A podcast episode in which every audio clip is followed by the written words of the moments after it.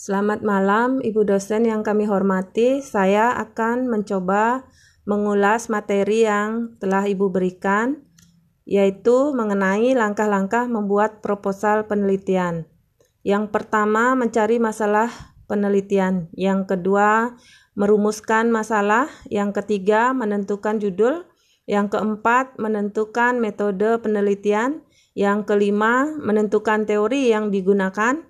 Yang keenam, mencari rujukan atau referensi yang berkaitan dengan masalah yang dicari. Yang ketujuh, menulis proposal sesuai dengan standar outline uh, yang sudah ditentukan oleh fakultas masing-masing. Yang kedelapan, mulai menulis proposal yaitu dari bab yang termudah. Terima kasih.